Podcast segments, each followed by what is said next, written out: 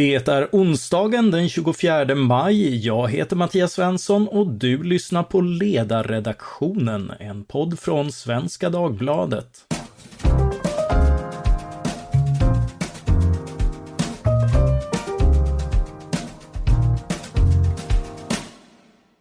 Är Tyskland ett Sverige för vuxna? Horace Engdahls bevingade formulering från 2011. En som har svar på denna fråga och andra frågor är den svenska Berlinbon Filip Fransén som skrivit boken Ett Sverige för vuxna om Tyskland som förebild och varnande exempel. Välkommen Filip! Tack så mycket! Hur kommer det sig att du har skrivit den här boken? Ja, jag har under ganska många års tid eh, följt både den tyska och den svenska samhällsdebatten och intresserat mig för och funderat på hur den Eh, brukar beskrivas i Sverige och kontrasterna eh, länderna emellan. Eh, det brukar ju framhållas att Tyskland har en, en, en öppnare debatt, en bredare debatt, högre i tak och så vidare. Och sen så sägs det då att Sverige å andra sidan präglas av en särskild svensk konsensuskultur där alla måste tycka samma sak, en slags särskild svensk konformism, en särskild svensk konflikträdsla som många menar präglar oss svenskar, inte bara i det privata utan också i det offentliga. Eh, ja, den här omtalade åsiktskorridoren som ofta framhävs som just typiskt svensk. Och jag tycker de, de föreställningarna om både Tyskland och Sverige fångas upp ganska väl av den här frasen som Horace Engdahl eh, yttrade en gång i tiden. Men sen tycker jag att det, det har ju hänt en del sen dess, sen han sa detta. Och eh, jag tycker vi har idag en annan Eh, tidsanda i både Tyskland och i Sverige än vad vi hade för 10-15 år sedan. Jag tycker att de här bilderna behöver justeras lite. Eh, och det är det som jag försöker skildra och diskutera och förklara orsakerna till vissa skiften i tidsandan eh, i den här boken. Eh, vi har ju haft ett märkbart skifte i Sverige vad gäller politik och offentlig debatt. Och jag är nog beredd att påstå att Eh, vid det här laget så har Sverige vad gäller de, de riktigt stora politiska frågorna eh, i allt väsentligt en bredare debatt än Tyskland i dagsläget. Eh, I Tyskland finns det vissa känsliga frågor och vissa tabun som vi känner igen ifrån Sverige men som vi i ganska hög grad har lämnat bakom oss. Men trots det så, så, tycker jag att de här föreställningarna lever kvar så jag tycker det är någonting som man behöver diskutera och peta i lite. Och försöka se i vilken grad stämmer stämma stämmer de här vanliga berättelserna om tysk kontra svensk debatt. Eh, och min tes i den här boken, det är väl en av flera teser men det är kanske en av de viktigaste, är att den, den rörelse som pågår i Sverige är en slags eh, uppgörelse med vissa eh, svenska eller förment svenska karaktärsdrag. Alltså det är ett försök att, så att säga, slå sig ur den här svenska åsiktskorridoren Eh, och på så sätt bli mer likt utlandet i och med att vi har den här ganska diffusa idén om till exempel Tyskland men även utlandet generellt. Eh, så att man kan väl säga så här, det, det jag är inne på är att kan man, kan man liksom etablera föreställningen att det är någonting konstigt med just den svenska debatten, då skaffar man sig också mycket goda förutsättningar att förändra debatten. Det tror jag har hänt i Sverige. Och av den anledningen är det också motiverat att diskutera de här frågorna.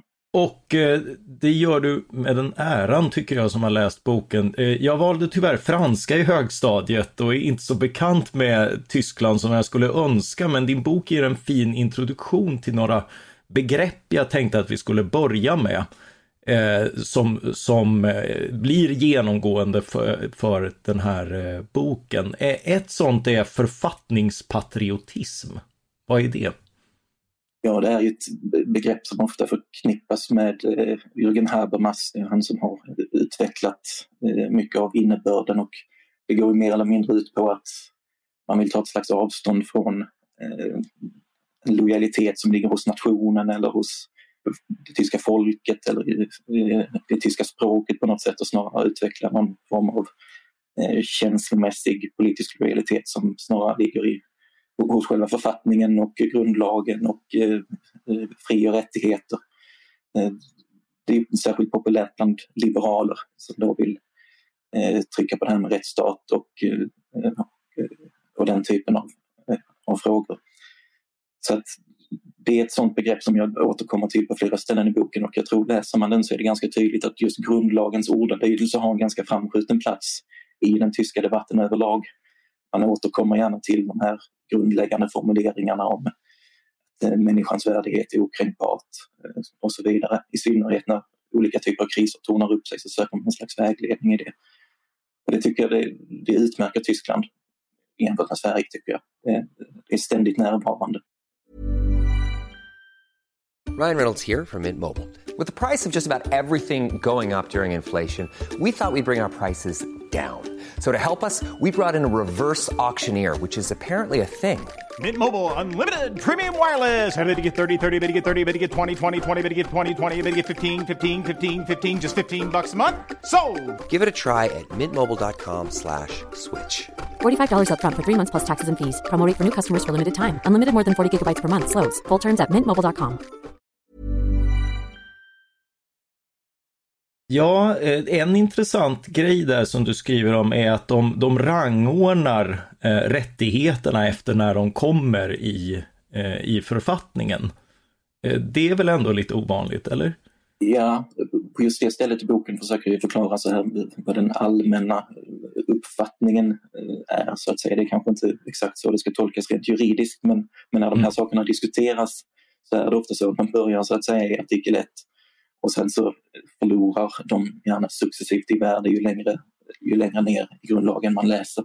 En tendens som blir ganska tydlig under pandemin, tycker jag i alla fall, att eh, det finns en sådan logik eh, och eh, lever man så att säga upp till de, de principer som fastställs tidigt så kan man göra visst avkall på eh, sådant som kommer senare i grundlagen.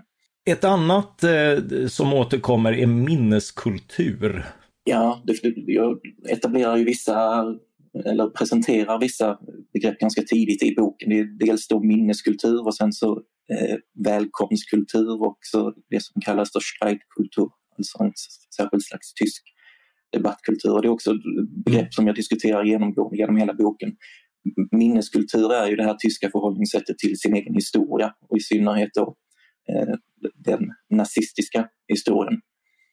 Eh, jag diskuterar hur det tar sig olika uttryck, dels i politiken och även i form av privata initiativ, hur det kan te sig i media och i populärkultur och, och en massa annat. Jag har en ganska bred förståelse för det begreppet.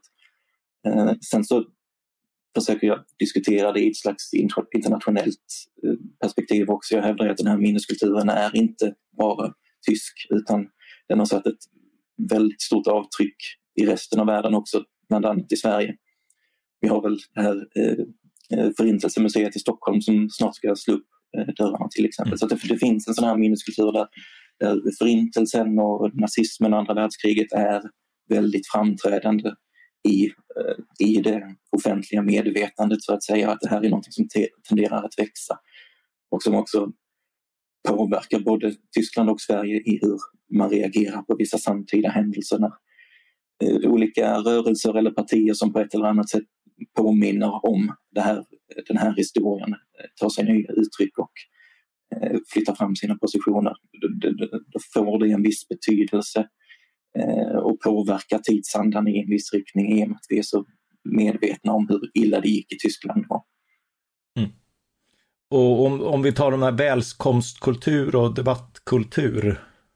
Välkomstkulturen var ju ett begrepp som blev särskilt populärt under flyktingkrisen eh, kring år 2015 och som ja, alltså, står för ett slags tyskt förhållningssätt både rent politiskt men även hur civilsamhället reagerade och tog emot ett stort antal flyktingar och eh, att det fanns en stor uppslutning kring det.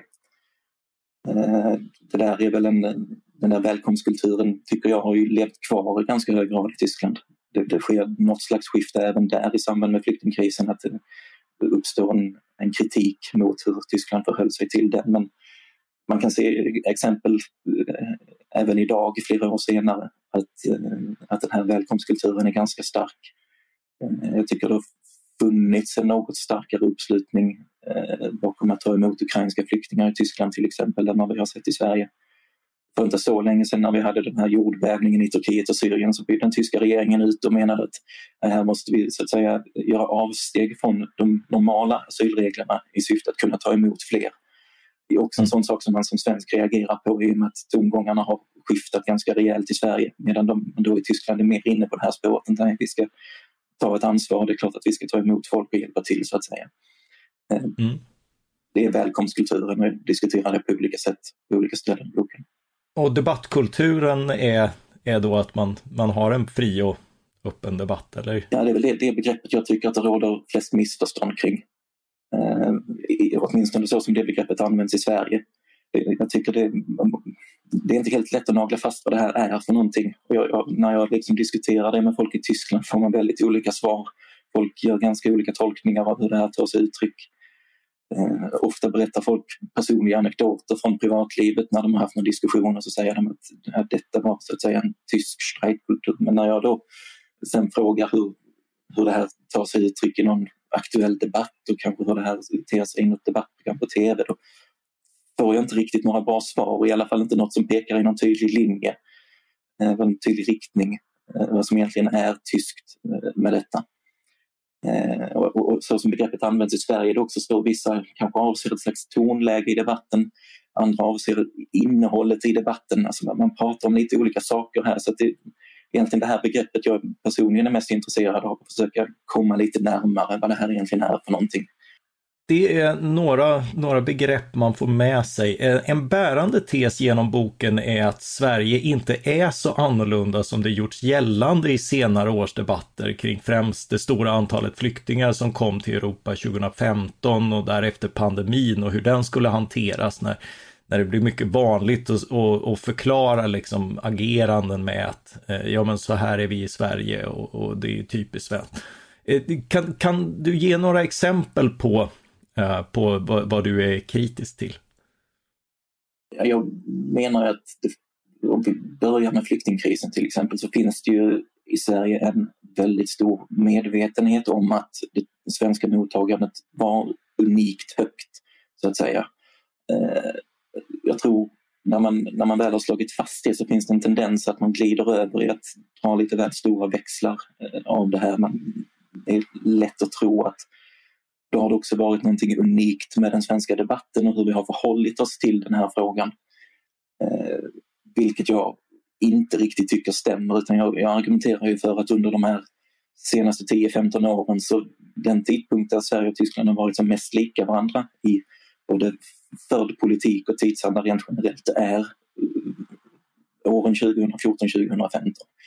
Där eh, det att vi skulle öppna våra hjärtan i Sverige och Angela Merkel sa wir schaffen das i Tyskland. Eh, trots det så tycker jag att den här tidpunkten har på något sätt blivit en slags bärande pelare i den här föreställningen om att det är någonting avvikande med Sverige. Eh, jag tycker sedan dess har vi blivit mer olika Tyskland snarare än att ha rört oss mot dem. Eh, trots att Ulf Kristersson har den här idén om att vi behöver fler vuxna i rummet. Det ligger någonting i det där ordet vuxet, hur det används eh, i Sverige, tycker jag. Mm, eh, vad, vad ligger i det? Ja, där, där, där, finns någon slags underton om att det finns vissa svenska särdrag som vi behöver göra upp med. När, när Ulf Kristersson presenterar eller säger det här för första gången så är han ju inne på att vi har en ängslighet och en stingslighet i debatten som vi behöver ta oss ifrån. Eh, och ja, nu har det gått några år sedan dess och vi, vi ser ju liksom vad, vilken riktning det har rört sig i. Och då har vi en mer Eh, vi har fått en stramare migrationspolitik. Det har öppnats upp för samarbete med SD i Sverige. Eh, man skulle kunna lägga till kärnkraftsfrågan här också, att vi har förflyttat oss mer mot kärnkraft i Sverige. Och då blir det för mig ganska märkligt att de, de, som har breddat debatten i den här riktningen, att de så ofta har kunnat återkomma till och framhålla Tyskland som ett föredöme. Det, det förstår jag inte riktigt. Eh, och där ser man ju idag också ibland ganska förvånade blickar mot Tyskland. Att man, man blickar mot dem och ser att nej, Tyskland har ju faktiskt inte hängt med på den här rörelsen som har pågått i Sverige utan man påminner ganska mycket om hur Sverige såg ut för 5-10 år sedan skulle jag vilja påstå. Mm, eh, och om vi tar pandemin då, då blev ju också eh, svenskar och tyskar i vårt agerande, eller? Ja, Eh, jag tycker det och det, man är väldigt glad för att tolka de här olika strategierna som, som formas i både Tyskland och Sverige som någon slags självklar utlöpare av nationella karaktärsdrag. Men jag tycker det, de förklaringarna bygger på att man bortser helt och hållet från att det har funnits en, en debatt med en massa olika åsikter. Både i Tyskland och Sverige bakom den eh, eh politik som har förts. Eh, vi har ju haft de här 22 forskarna till exempel i Sverige som hade en helt annan uppfattning än vad Folkhälsomyndigheten hade.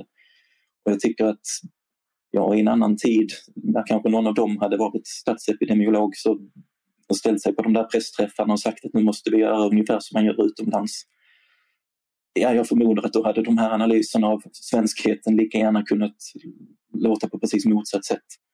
Vi är ju ett laglydigt land med systembolag och, och kontroller och ja. Ja, och det, det uppstod en stämning den där våren 2020 där jag tror att eh, ja, i alla länder slöt man helt enkelt upp bakom den linje som presenterades i ganska hög grad. Och de som eh, protesterade mot den och hade annorlunda uppfattningar, de hade det ganska jobbigt helt enkelt. Det finns ju gott om sådana exempel i Tyskland också. Där ju, ska tilläggas där det finns ganska många experter som har resonerat på ungefär samma sätt som Folkhälsomyndigheten eh, angående till exempel flockimmunitet och att stänga skolor kanske inte var någon bra idé och, och så vidare. Alltså det, den typen av åsikter har ju framförts i Tyskland också så jag menar mm. sådär väldigt svenskt kanske det inte är trots allt. Nej, nej, det är ju det. Eh, du, du, du, du förklarar väldigt pedagogiskt i boken att, att eh, ja, eh, Sverige landar på en linje och Tyskland är mer liksom på nedstängningslinjen men men det hade förmodligen kunnat vara precis tvärtom eftersom båda eh, båda fanns företrädda och, och det, det gör att det här För Tyskland får också en, en debatt om nationaldrag och sånt där, där eh, kring pandemin eh, för att förklara saker, eller? Eh, ja, det, det, finns åtminstone enstaka sådana röster som hörs där man då menar att ja, den tyska historien har varit så dramatisk och eh, utsatt för så många olika typer av kriser att eh, att man har någon form av vana att hantera den här typen av omvälvande händelser. Eh, ja, jag vet inte riktigt. Jag tycker att eh, det, det, finns helt enkelt en förkärlek att slå in på den här typen av, av resonemang. Men eh, jag menar att då, då blundar man helt enkelt för att det, det, det faktiskt finns en massa olika åsikter som cirkulerar bland folk som är lika tyska och lika svenska som de som så att säga har företrätt den officiella linjen. Jag får bekänna ett, ett misstag själv här. Jag, jag tittade på Tyskland under när, när vaccineringen skulle rullas ut och blev väldigt imponerad av av de, de eh, tyska förberedelserna där man liksom hade stora center och man hade till och med tränat i förväg på hur logistiken skulle gå. Och så tittade jag på Sverige som ju varit lite, alltså yrvakna i, i inledningsskedet och jag tänkte att det här, här, här visar ju Tyskland verkligen var, vad skåpet ska stå. Men, men eh, tittar man på vaccineringen och, och vaccinationsgraden så är ju Sverige något över Tyskland. Så, så det var ju en jämförelse som, som inte höll. Ja, Eh, och den debatten diskuterar jag också en hel del i boken och tycker att den är ganska intressant. Att man i Tyskland har varit ett väldigt fokus på de här personerna eller de här grupperingarna som eh, inte vill vaccinera sig. Eh, här finns det ju en, en tysk självbild av att Alltså att detta är ett slags tyskt problem, att det finns grupperingar som i det dolda som helt enkelt inte ställer upp på demokrati och modernitet så som etablissemanget hade önskat. Eh, jag tycker att även den typen av eh, analyser är något överdrivna. Eh, och den, den balanseras också upp av den här, alltså jag, jag, tycker att i, i och med att det finns en sån oro i Tyskland att här har vi grupperingar som eh, inte ställer upp på de eh, grundläggande värderingar som gäller i ett modernt samhälle så, så uppstår också en slags uppslutning bakom de här eh, åtgärderna i form av lockdowns och vaccin och annat som har tagits till för att bekämpa eh, pandemin. Så jag tycker att i min tyska umgängeskrets har det funnits en, en, en väldigt stark eh, så att säga, tro på att vaccinera sig om man säger så, medan man kanske i Sverige har mer Ja, de allra flesta vaccinerar sig men det är inte med samma självklara övertygelse, med samma eftertryck som man går och vaccinerar sig. Utan i Tyskland är det här nästan ett, ett slags politiskt ställningstagande eh, att göra detta. Det är en, en motståndshandling mot de här eh, konspirationsteoretiska och ofta högerextrema yttringar som tar sig uttryck mer och mer under pandemin och som har växt sig starka under det här senaste decenniet i Tyskland. Det orsakar en slags oro.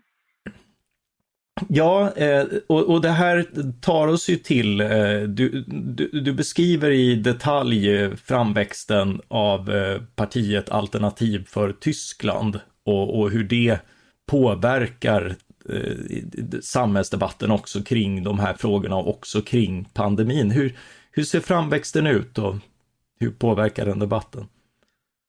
Ja, AFD är ett parti som har förändrats ganska mycket sedan det grundades för nu tio år sedan. Eh, det är ju i eurofrågan man profilerar sig till att börja med eh, och vill att Tyskland drar sig ur eurosamarbetet. Eh, sen så avlöser partiledare varandra och det här partiet radikaliseras allt mer och man börjar profilera sig i invandringsfrågan och man profilerar sig som eh, något slags anti-etablissemangsparti under pandemin och man gör samma sak nu under eh, kriget i Ukraina. Eh, där man intar så att säga antipositioner gång på gång på gång. Eh, jämför man med Sverigedemokraterna så menar jag att de visar på en betydligt större kontinuitet eh, på alla sätt och vis. I alla fall om man jämför den här senaste tioårsperioden eh, väldigt stora förändringar i AFD medan det inte har hänt särskilt mycket i Sverigedemokraterna. Enligt min mening. Man justerar vissa frågor i, vad gäller Nato och även synen på Ryssland och så, men vad gäller deras mest eh, centrala hjärtefrågor om invandring och kriminalpolitik och kulturpolitik så tycker jag att det låter likadant idag som det gjorde för en 10-15 år sedan. Introducing Wondersweet from Bluehost.com Website creation is hard, but now with Bluehost, you can answer a few simple questions about your business and get a unique WordPress website or store right away. From there, you can customize your design, colors, and content. And Bluehost automatically helps you get found in search engines like Google and Bing. From step-by-step guidance to suggested plugins, Bluehost makes WordPress wonderful for everyone. Go to bluehost.com/wondersuite.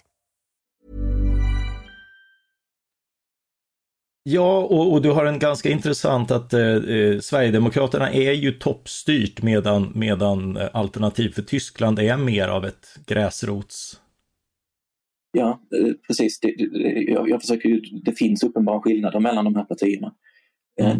Det mest aktuella exemplet är väl hur man förhåller sig till Ryssland där AFD inte gör någonting alls för att liksom anpassa sig till hur man behöver framstå som ett seriöst parti och jag försöker förstå vad det där beror på. Det, det, det finns eh, ett mycket livligare inre liv i AFD, eh, menar jag.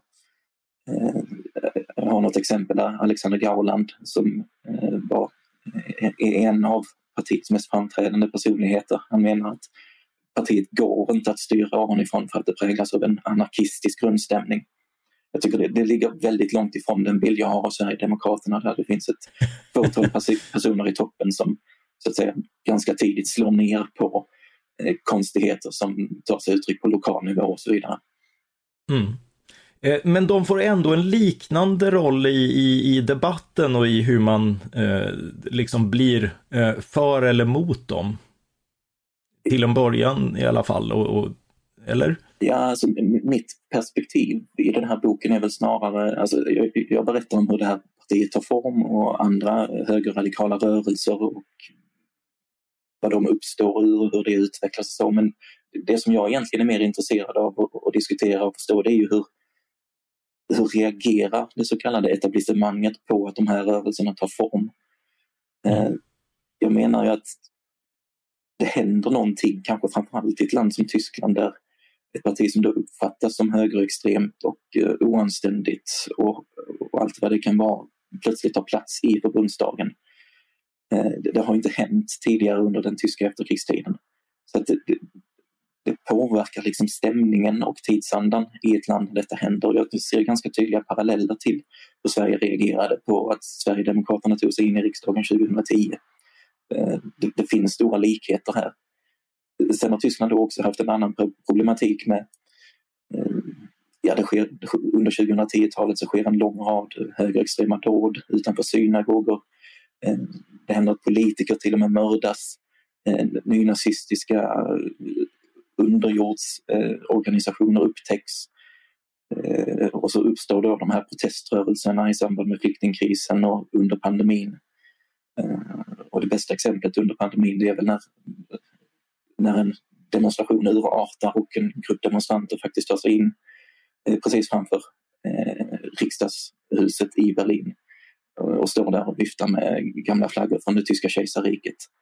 Och eh, ja, ja, som sagt, alltså det, det, det, händer någonting med stämningen i ett land där, där den här typen av eh, rörelser flyttar fram positionerna på det här sättet och där eh, pusselbitarna så att säga långsamt läggs på plats. Alltså det ackumuleras en form av oro över att de här eh, rörelserna eh, flyttar fram positionerna och faktiskt utgör ett hot mot demokratin.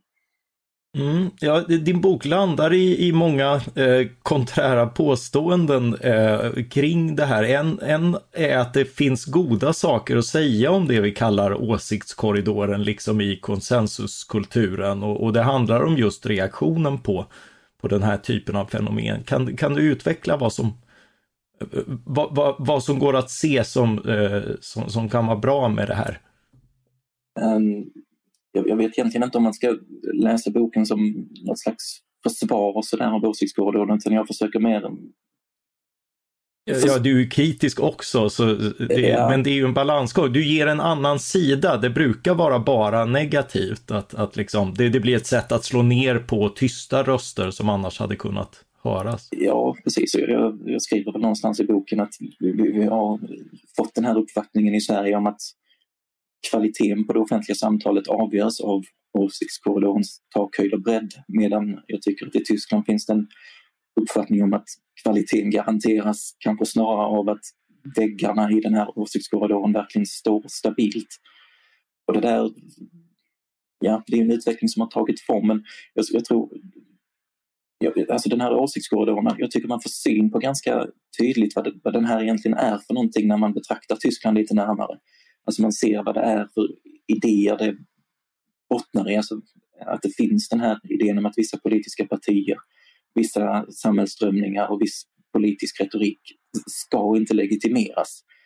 Eh, man, man ser det där väldigt tydligt i Tyskland. Så jag försöker väl snarare diskutera och förstå under vilka omständigheter har den här åsiktskorridoren en tendens att smalna av, under vilka eh, förutsättningar har den en tendens att breddas. Eh, jag tycker här, här, har, här har den svenska offentligheten stora problem att navigera i samtiden. Alltså det, det, det behövs ett utländskt perspektiv på de här frågorna för vi har en väldigt stark tendens att så fort, så fort man ska diskutera olika stämningar och olika tendenser i samtiden så, så landar man i, i någon form av analys och slutsats att ja, men det här är typiskt svenskt och sen så är man klar. Eh, jag tror det går att komma betydligt längre.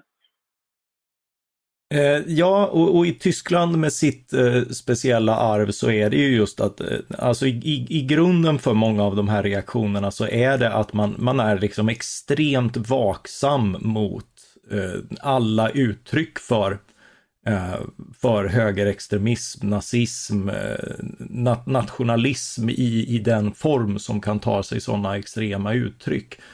Eh, och, eh, eh, och, och du, du, du, skriver ju och ger exempel på, det har vi ju i båda länderna, att, att det här kan bli orättvist och, och överreagerande och, och sådär. Men att, men att det ändå handlar om att varna tidigt för något som vi ändå ser finns och är farligt. Är det en korrekt sammanfattning? Ja, det tycker jag. Jag hade väl innan jag började bekanta mig med Tyskland så hade jag kanske också den uppfattningen att många av de här reaktionerna var överdrivna i Sverige, alltså där man ska markera mot Sverigedemokraterna och annat kopplat till partiet på olika sätt. Men så, jag vet nu i sju, åtta års tid som jag så att säga har följt Tyskland parallellt med Sverige. Och jag tycker man ser att det, det finns någonting genuint i den här oron. som jag tycker mig se allt mer i Sverige också. Alltså man, kan, man kan tycka när det pratas om hot mot demokratin och så vidare, alltså huruvida den oron är fogad eller inte, det, det får andra ta ställning till. Men jag, jag tolkar den som i hög grad äkta eh, faktiskt. Det, det, det, finns en oro för det här och det, det, har ju att göra med den här minneskulturen som jag diskuterar i boken igenom och som jag menar präglar även Sverige, inte bara Tyskland. Eh, det finns vissa historiska lärdomar som vi har dragit och som gör att vi reagerar på ett visst sätt när vissa rörelser eller partier som på ett eller annat sätt har en koppling till eh, nazism eh, flyttar fram positionerna. Borgerligheten i Sverige och i Tyskland har ju valt olika strategier, bland annat kring hur man förhåller sig till SD respektive AFD. Eh, vad finns att säga om det och hur, hur tänker man bland exempelvis tyska kristdemokrater och liberaler kring sådana koalitioner?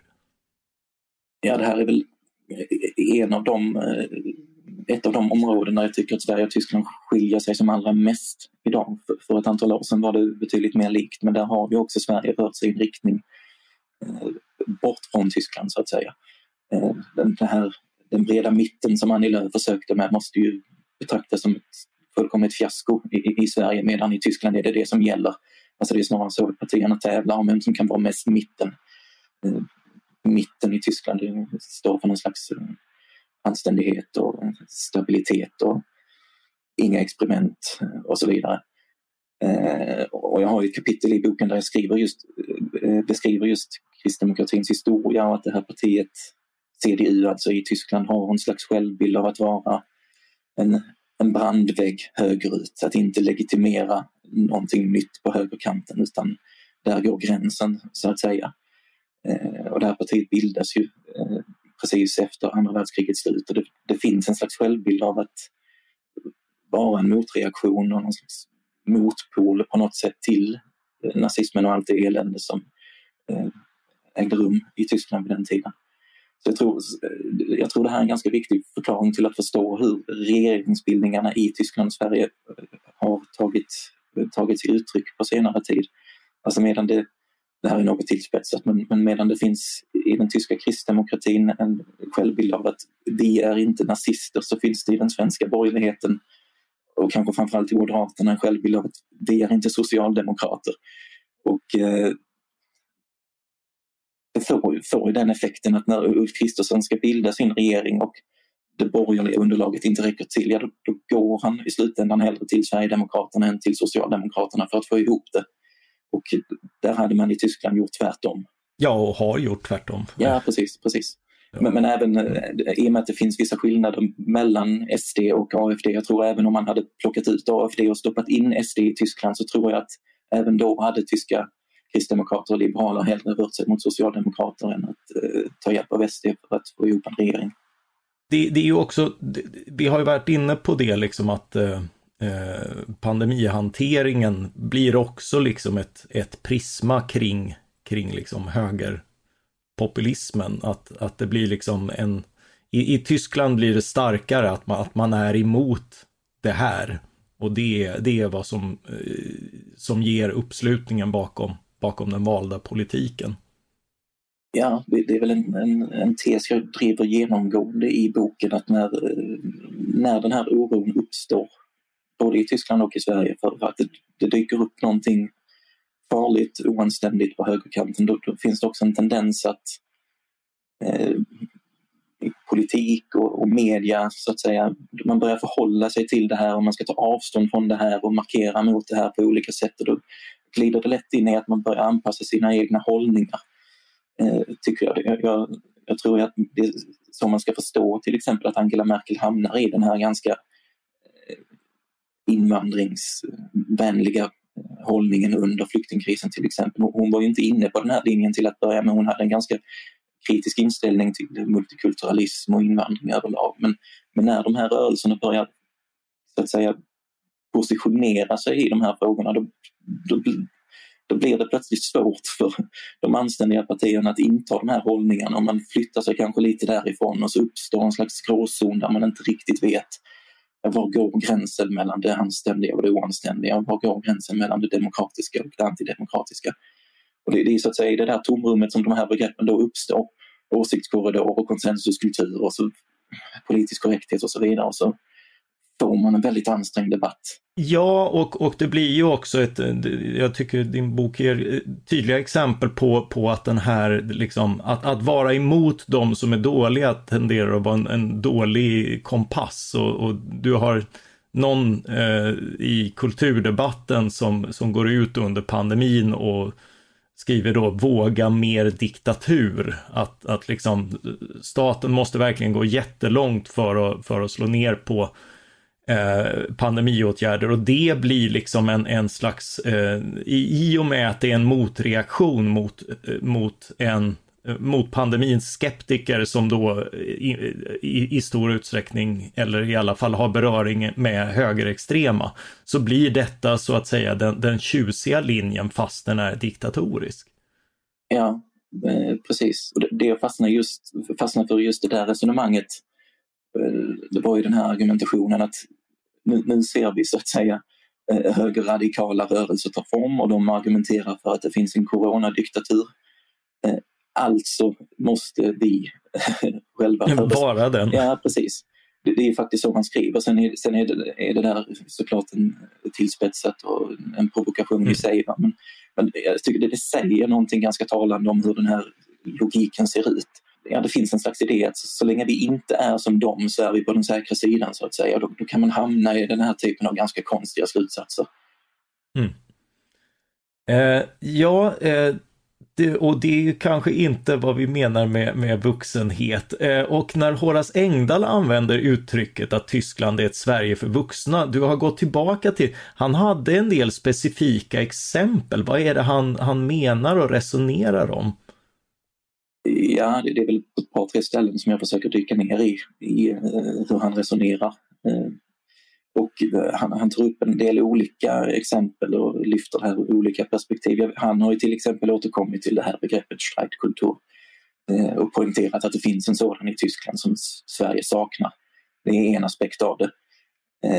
En annan aspekt av det är att han, han resonerar kring att det finns en idébaserad konservatism i Tyskland som är betydligt ovanligare i Sverige. På den punkten är jag beredd att hålla med. Den, den tyska kristdemokratin är ju så pass dominerande i Tyskland och har varit under hela efterkrigstiden att man inte riktigt kan jämföra, eller man kan inte alls jämföra med hur Kristdemokraterna i Sverige har, eh, har haft möjlighet att påverka eh, politiken. Eh, en annan aspekt som han har lyft eh, är, är en slags generationsklyfta som han tar fasta på. Alltså det, det, det, finns, det finns en, eh, han, han tolkar det här i viss mån bokstavligt faktiskt att, att fler, eh, fler äldre tenderar att komma till tals i Tyskland jämfört med i Sverige och att det eh, påverkar eh, debatten. Även där kan han ha vissa poänger. Alltså, jag tror jämför man till exempel medelåldern i den tyska regeringen med, med den svenska regeringen så är det en märkbar skillnad. Eh, den är högre i Tyskland? Ja, eller? precis. Men så, så, det där är en aspekt som jag diskuterar i ett kapitel med avseende mm. på klimat. Ja, för du ställer den på huvudet lite grann. Ja, det gör jag. jag tycker, Tyskland har ju en väldigt stark klimatrörelse där det är i synnerhet ungdomen som driver på och gör sig hörd. Jag skulle nog vilja påstå att det är ganska, med tanke på hur Tyskland har bedrivit sin energipolitik och sin klimatpolitik så är det ganska enkelt att vara klimataktivist i Tyskland. Alltså det är enkelt att framföra den här kritiken eh, mot regeringen och det, det, finns många öppna dörrar att sparka in så att säga. Eh, det har nog bidragit till att klimatrörelsen är så stark som den är i Tyskland och det, det tar sig uttryck på olika sätt men, eh, men bland annat så har det ju kommit beslut från författningsdomstolen som har eh, givit den tyska klimatrörelsen rätt att här, här har politiken misslyckats och det måste göras betydligt mer. Så det, det, det, finns en kraft i det här och det finns så många eh, många framförallt yngre personer som profilerar sig i den här frågan att jag då hävdar att man kan tala om Tyskland som ett Sverige för ungdomen snarare än som ett Sverige för vuxna. Mm. Ja, Greta går hem bättre, eh, Tuba, Thunberg går bet, bättre hem i Tyskland än i Sverige. Ja, och jag menar hon, eh, jag hävdar att hon, hon det är ju inte framförallt i Sverige som hon gör sig hörd utan hon reser ju runt eh, i världen i massa olika mm. länder och har varit i Tyskland vid flera tillfällen och liksom drivit på för en förändring där. Så att, ja, jag är nog beredd att påstå att hon, hon är en större profil i Tyskland än vad hon är i Sverige. Det går förstås inte att prata Tyskland utan att gå in på de senaste kriserna, kriget i Ukraina och den relaterade energikrisen. Hur kommer det sig att Tyskland gjort sig så beroende av Putin och rysk gas och, och varför är man så emot kärnkraft? Det är egentligen två olika frågor kanske.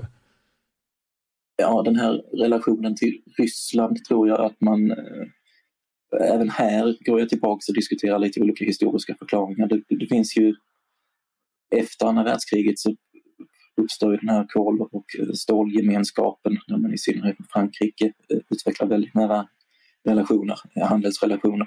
Jag tror det där är en bakgrund som man kanske lätt glömmer bort nu på senare tid men det, jag tror det finns ju i Tyskland en, en väldigt stark föreställning om att ska man uppnå långvarig fred och stabilitet så är det genom att handla med länder som under lång tid har varit fiendeländer så att säga, att kunna lämna de här eh, ja, fiendeskapet bakom sig.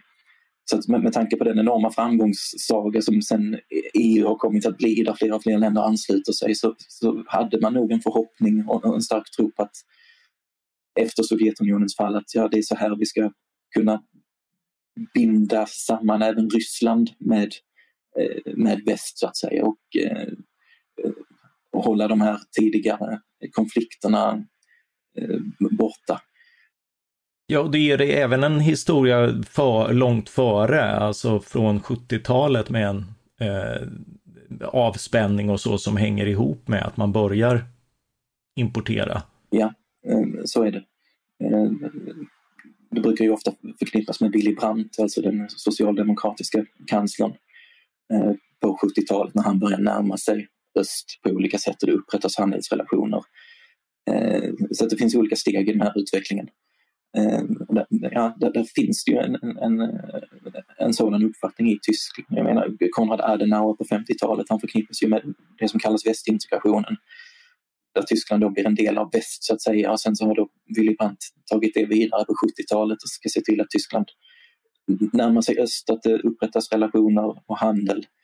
Eh, och så har ju det löpt på och utvecklats fram till nu kan man säga, där det då plötsligt vänder.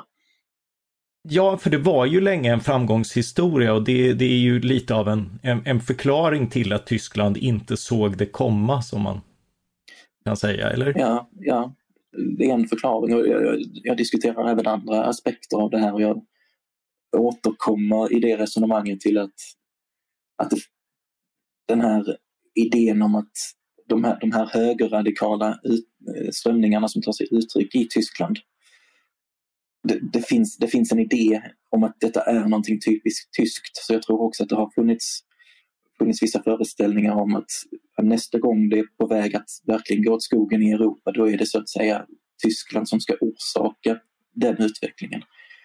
Vilket nog har lett till att man kanske i Tyskland i högre grad än i andra länder har underskattat eller kanske blundat för den här faran som Putin utgör. Eh, det, det har liksom inte passat riktigt med den, den, den egna självbilden att det, det, finns så att säga kraft, Att någon annan är det stora hotet. Ja, ungefär så. Uh, och, och, kärnkraften kort, hur, hur kommer det sig att den blivit så, ja, att, att man blivit så emot den? Uh, det här är nog den frågan som jag har, brukar ha allra störst problem med att förklara för svenskar. Jag, jag möts mest av ja, häpna blickar när man försöker förklara den tyska energipolitiken och, och kärnkraften. Men det, det finns det har ju en väldigt stark tradition i Tyskland och det här gröna partiet i Tyskland som har det här som sin hjärtefråga och har haft ända sedan det grundades har ett starkt inflytande. Eh, det här är det, det största gröna partiet i, eh, i Europa. Eh, men, men, det är inte hela förklaringen utan det, det här motståndet märks även i de andra partierna, även där man kan förvänta sig att hitta förhållandevis positiva inställningar till kärnkraften, alltså i borgerligheten finns det ganska starka krafter som håller emot för det här. Och det, det vände ju verkligen eh, för drygt en tio år sedan när den här tsunamin välde in över eh, kärnkraftverket i, i Japan. Och mm. eh, kristdemokratin och eh, de tyska liberalerna plötsligt då intog samma position som de gröna och socialdemokraterna hade haft sen tidigare.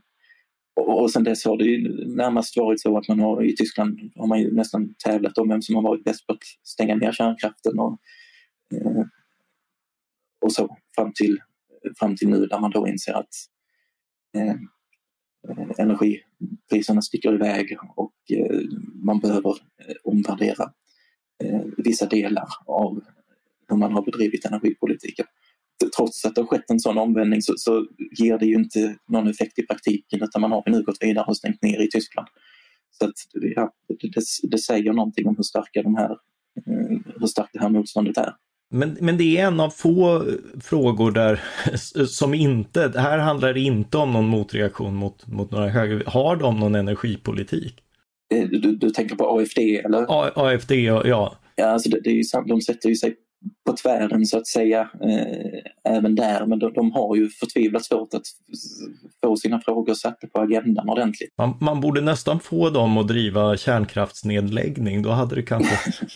ja, kanske det. Kanske ja. Eh, en, en, annan intressant aspekt apropå det här, alltså eh, apropå kriget i Ukraina och vilket, vilka som eh, reagerat där så, eh, så har de gröna gått i spetsen, vilket nog också förvånar, för det är ju, det är ju ett, eh, ett, ett parti med rötter i, i fredsrörelsen och eh, för, stor förståelse för, för Sovjet slash Ryssland.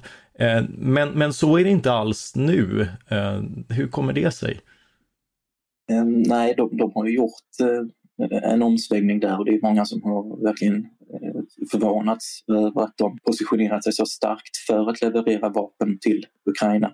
Här finns det ju vissa skillnader om man jämför med eh, Miljöpartiet i Sverige. Men, men det, man kan väl säga det är samma sak här. Alltså vi, vi har också sett en omsvängning i Sverige e, e, efter den här ryska invasionen, alltså i, i synen på Nato. Även här tycker jag att det finns en tendens att i den svenska debatten så, så förklarar man gärna den typen av omsvängningar med att det är någonting typiskt svenskt över detta och oj vad det kan svänga i Sverige och så vidare. Mm. Tyskland tycker jag är ett utmärkt exempel på att detta förekommer utomlands också. Alltså sånt som tidigare har varit självklarheter omprövas plötsligt och det sker mm. ofta i samband med att den här typen av plötsliga oförutsedda dramatiska händelser äger rum. Alltså flyktingkriser, pandemier, eh, invasion av Ukraina och så vidare. Alltså det, det, det sker helomvändningar i politiken helt enkelt. Sånt som tidigare var otänkbart är plötsligt tänkbart. Ja, det, det jag tyckte var intressant var att eh, de gröna har ju eh, i, i Tyskland är ju mycket större än det svenska miljöpartiet och har framförallt en, en helt annan dragningskraft på ungdomar. Så att eh, du har helt enkelt en, eh, en dominans av folk som inte har det kalla kriget som som eh, eh, bakgrundsförståelse och grund för sitt engagemang och där, där fredsrörelsen och förståelsen för eh, för, för, eller liksom oviljan att ta ställning mellan, mellan NATO och Warszawapakten in, inte längre finns som fråga. Utan det handlar för dem om, om liksom, här anfaller en, en diktatur. Ja, precis. Det, det, det, tror jag förklarar en hel del. Alltså det, det, har, det har ju gått ett tag sedan muren föll och sedan kalla kriget tog slut. Och just det gröna partiet är ju, de har ju växt enormt mycket på senare år och det är klart att eh, fredsrörelsen är ju inte alls aktuell på samma sätt i vår tid som den var när det här partiet grundades. Eh, det här är en ny generation som, som dels leder partiet och som väljer att engagera sig i partiet och framförallt vad gäller klimatfrågan. Ehm, så att mycket av det här, många av de här skiftena kan väl också förklaras av en slags generationsväxling. Ehm, tror jag. Där har väl eh, de tyska socialdemokraterna varit, inte varit lika benägna att, eh, att ändra sig. Vilket jag tror i hög grad beror på att där, där är det ett äldre garde som fortfarande leder partiet. Alltså de, de, de, de är på ett annat sätt rotade i den här frihetsrörelsen. Och det var, så att säga, då de var unga och började engagera sig politiskt. Och därför sker inte den omställningen lika självklart i det partiet som det kanske har gjort i det gröna partiet i Tyskland. Din bok handlar ju då om Tyskland som förebild och varnande exempel. Eh, vad är det främsta exemplet? Eh, du, du du begår mer analys än, eh, än egna åsikter, men om du får plocka lite, vad, vad är det främsta exemplet att Tyskland är en förebild för Sverige och när är det ett eh, varnande exempel? Ja, det är som du säger, jag, jag är egentligen inte ute efter att ta, ta ställning i de här frågorna direkt, men, men det är klart att med facit i hand så går det inte att säga annat än att hur man har förhållit sig till Ryssland och hur man har bedrivit sin energipolitik eh, Eh, har varit ett misslyckande. Det här hade man ju kunnat se för, för länge sedan men eh, äh, här, här sker det ju såklart också en omsvängning i Tyskland. Alltså det, det finns naturligtvis en, en enorm självkritik också. Äh, här har ju återigen tidsandan svängt.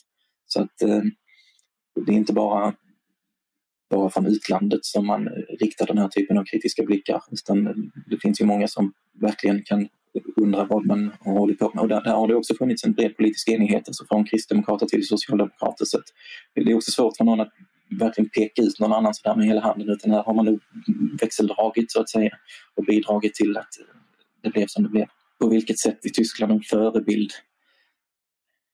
Ja, alltså jag, jag, jag har snarare resonerat så när jag skrivit boken att alltså, vad kan vi lära av Tyskland? Och mitt resonemang är ju att vi kan väl lära oss ganska mycket om oss själva, eh, har jag tänkt. Alltså vi, om, man liksom ska förstå vad Sverige är för land och vad det är för stämningar som tar sig uttryck i samtiden så blir vi mycket klokare på dem om vi också har ett, ett djupare utländskt perspektiv på de här frågorna som är så närvarande dag ut och dag in.